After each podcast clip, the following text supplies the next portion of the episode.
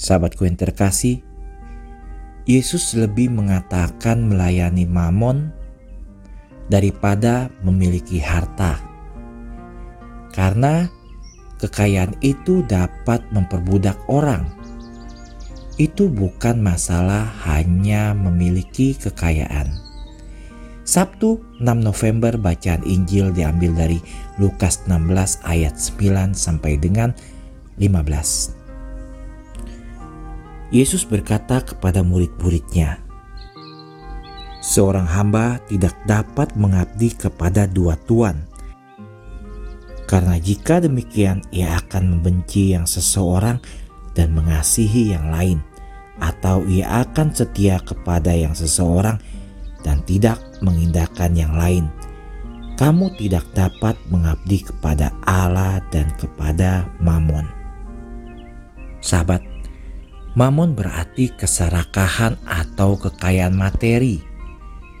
Anda tidak bisa melihat Tuhan dan kekayaan materi, itu akan seperti mendukung kedua tim dalam pertandingan sepak bola. Ada cerita sahabatku, seorang pria kaya pemilik tanah yang memiliki sebuah rumah besar menghadap ke lebah yang indah. Namun terlepas dari kekayaannya, ia sangat tidak puas dengan kehidupan dia dirasuki oleh harta miliknya. Di pondok gerbang di pintu gerbang masuk tanah miliknya tinggal John, manajer pertaniannya. John adalah orang dengan iman yang sederhana. Dia adalah pengunjung gereja biasa dan sering kali pemilik tanah melihat keluarga John berlutut dalam doa di malam hari. Suatu pagi orang kaya itu sedang memandang ke lembah yang indah sambil berkata pada dirinya sendiri, "Ini semua milikku." Ketika John datang menemuinya, "Tuan," kata John dengan ragu-ragu, "Semalam aku bermimpi dan di dalamnya Tuhan mengatakan bahwa orang terkaya di lembah itu akan mati malam ini." di tengah malam. Saya merasa Anda harus tahu. Pemilik tanah memecatnya, tetapi kata-kata John terus mengganggunya, sehingga ia mengeluarkan mobilnya dan pergi ke dokter setempat untuk pemeriksaan lengkap. Dia dalam keadaan sehat, kata dokter. Tidak ada yang perlu dikhawatirkan. Ketika dia kembali, itu sudah lewat tengah malam dan dia masih hidup.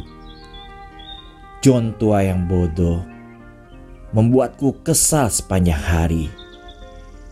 Melewati gerbang pondok dia melihat putri John menangis. Tuan, katanya, ayah meninggal pada tengah malam. Pemilik tanah terdiam beku ketika tiba-tiba ia teringat perkataan John tentang siapa orang terkaya di lembah itu. Tuhan kita pernah berbicara kepada Saint Thomas Aquinas dari sebuah salib dan berkata, Engkau telah berbicara baik tentang aku Thomas.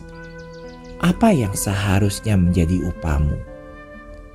Saint Thomas menjawab, Ni nisi te domine. Tidak ada yang lebih baik selain Engkau, ya Tuhan. Sahabat, apakah Anda sudah tahu harta yang paling berharga? Di masa pandemi ini, sudahkah kita mulai berusaha untuk bisa menghadiri Ekaristi?